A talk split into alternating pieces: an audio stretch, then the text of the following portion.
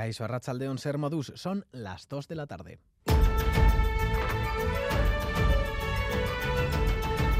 Crónica de Euskadi con Lier Puente.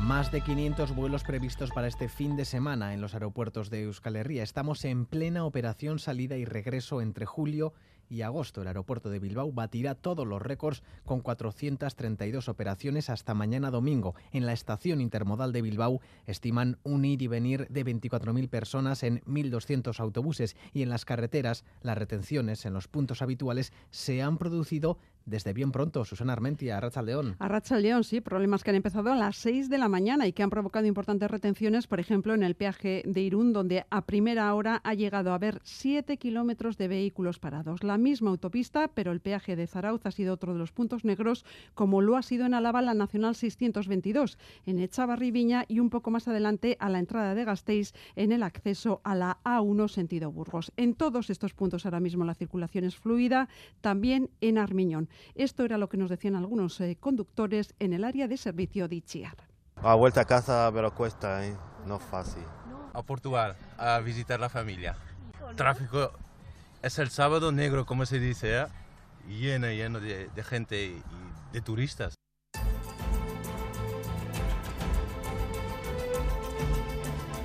Las largas esperas en carreteras son necesarias a veces para llegar a destino. La meta de muchos de esos turistas son nuestros pueblos y ciudades y ya están recorriendo nuestras calles.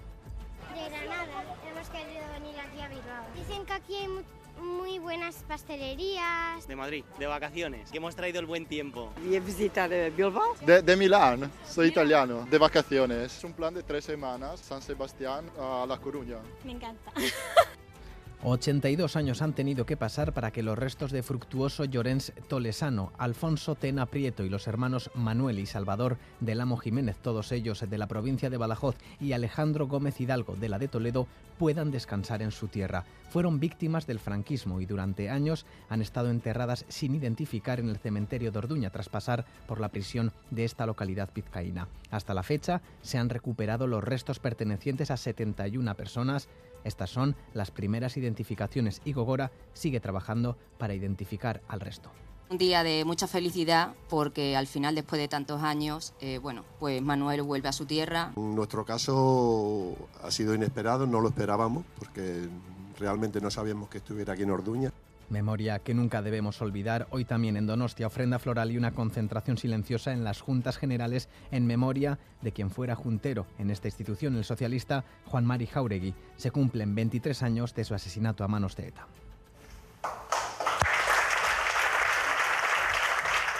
Los representantes de la Cámara de todos los grupos han recordado la figura del gobernador civil de Guipúzcoa y han realizado un llamamiento a favor de la paz.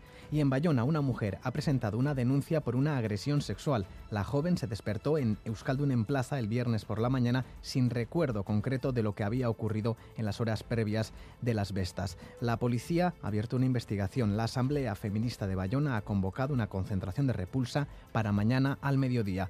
Butrón. El fiscal de Bayona ha confirmado esta mañana el suceso. Una joven ha denunciado haber sido violada en la noche del jueves. Según lo informado, la joven se ha despertado por la mañana en una zona cercana a la alcaldía de Bayona con signos de violación, hecho que ha confirmado el fiscal esta mañana. El suceso ha creado repulsa dentro de los movimientos feministas. Es el caso del movimiento Itaya. Este movimiento organiza un centro de denuncia para las fiestas y según ellos, desde el comienzo de fiestas, han recibido varias denuncias denuncias de agresiones. Lur Rentería es miembro de Italia. Bai, atzo eh, emazte batek polizietxan salatu zuen bortxaketa bat, eta uste aste azkenan ere beste eras bat salatu izan zela zamioari, eta hojez gain, zazpi eraso salatu dira gure permanentzian. Mañana a las 12 organizan una concentración en el mercado de Bayona para mostrar su repulsa a la violación y otros movimientos feministas, entre ellos el PAF, van a llamar a participar en esta concentración. En Tudela, por su parte, agentes de la policía local han detenido esta pasada madrugada a un hombre acusado de agredir a su expareja en la zona del Paseo de Keiles. El arrestado de 30 años ha sido acusado de un delito de violencia de género. Y a la espera de la confirmación oficial del recuento del voto cera, del voto de los residentes extranjeros, el PP ha arrebatado en Madrid un escaño al PSOE y alcanza así los 137 diputados. Este baile de escaños complica los apoyos de la izquierda en una futura investidura de Pedro Sánchez que necesita ahora el voto afirmativo de Junts, además de los apoyos de Sumar, ERC, EH Bildu y PNV. El agraciado con el escaño ha sido Carlos García Danero, antiguo diputado de UPN, expulsado de su partido por votar contra la reforma laboral y que ahora se ha pasado al PP. Las negociaciones siguen de manera discreta. Desde ERC admiten están manteniendo ya conversaciones con Junts en busca de una unidad estratégica. Raquel Sanz, portavoz de ERC. Estem parlant amb, amb Junts, òbviament, com no, no hem deixat de parlar. Uh, nosaltres des d'Esquerra ho hem dit uh, no, per activa i per passiva.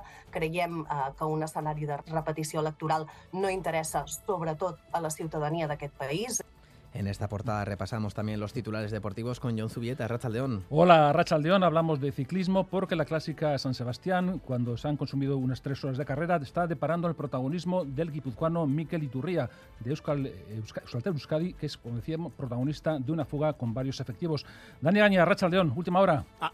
A Rachaldeón John, efectivamente, Miquel Iturria, el urnietarra guipuzcoano del conjunto Euskaltel Euskadi, forma parte de los cinco corredores que están al comando de la carrera, superado el Ecuador de la misma a 100 kilómetros eh, para el final. Bardet, Bernard, Bonamur, franceses, Van Hooydonk, corredor eh, holandés y Iturria tienen eh, cinco minutos de ventaja respecto al pelotón. Estamos acercándonos a la zona ya de Heidkivel, Erleitz y, por supuesto, al tramo decisivo de la carrera. 100 kilómetros a meta, cinco minutos para Iturria con sus compañeros de fuga. Y por otro lado, la Federación Internacional de Pelota se reúne este sábado en México para decidir si cambia de estatutos y, de ser así, si la Federación Vasca se integra de pleno derecho en este organismo para lograr la oficialidad. En fútbol, Osasuna ha solventado otro encuentro en Francia tras vencer ayer al Girondins por 0-1.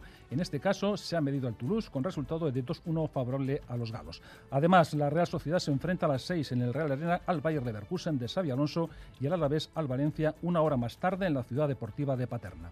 Asimismo, la Morivieta ha jugado su quinto partido de pretemporada, ha sido en las llanas ante el Sestao, al que ha ganado por 1 a 2. A la tarde, a las 7, el Eibar se enfrenta en la Cesarre al Baracado. Y por lo que hace referencia al remo, este fin de semana tenemos doble ración en la Liga Euskolabel y la Liga Euskotren. Primero, esta tarde en Aguas de Guecho y mañana en Santurchi.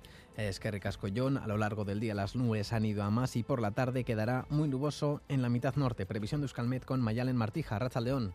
A Racha León, durante las próximas horas las nubes irán poco a poco a más, sobre todo en el norte, donde además durante la tarde-noche puede caer algo de sirimiri. Y mañana comenzaremos el día con ambiente gris en, la, en el norte, sobre todo el ambiente estará, o el cielo estará cubierto y lloverá algo durante la mañana. Las temperaturas descenderán notablemente en todos los sitios y mañana los termómetros no superarán la barrera de los 25 grados. Rondaremos los 23, 24 grados en todas las zonas.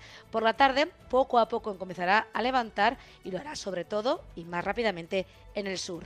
Así que comenzamos el día con ambiente tristón, pero poco a poco, según vayan pasando las horas, irá levantando. Y de cara al lunes, fiesta en Vizcaya y en Guipúzcoa, la temperatura se recuperará y el sol volverá a imponerse.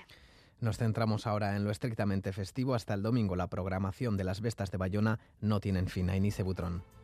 El despertar con el sonido de las gaitas es lo que van viviendo los vecinos del centro de Bayona desde el comienzo de fiestas. Desde las 9 de la mañana han estado tocando San y sus compañeros, pero poca gente en las calles para escucharles.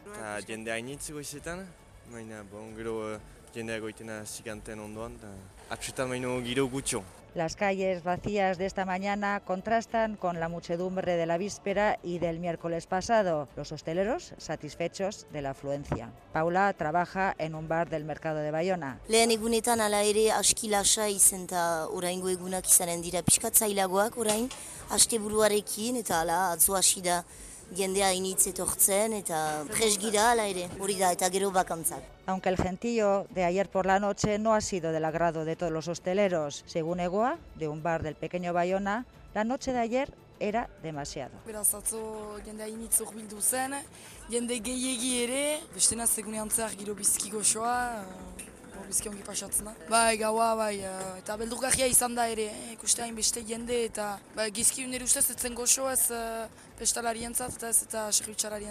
Las fiestas continúan hasta mañana y hoy se espera otra vez mucha afluencia. Mañana, el último día de fiestas, se espera una jornada más tranquila en un día dedicado al hermanamiento de Iruña y Bayona. Es que Ricasco reciban un saludo de los compañeros y compañeras de redacción que hacen posible este informativo, también de Maitán Bujedo y Aranza Prado desde la parte técnica. Son las 2 y 9 minutos. Comenzamos.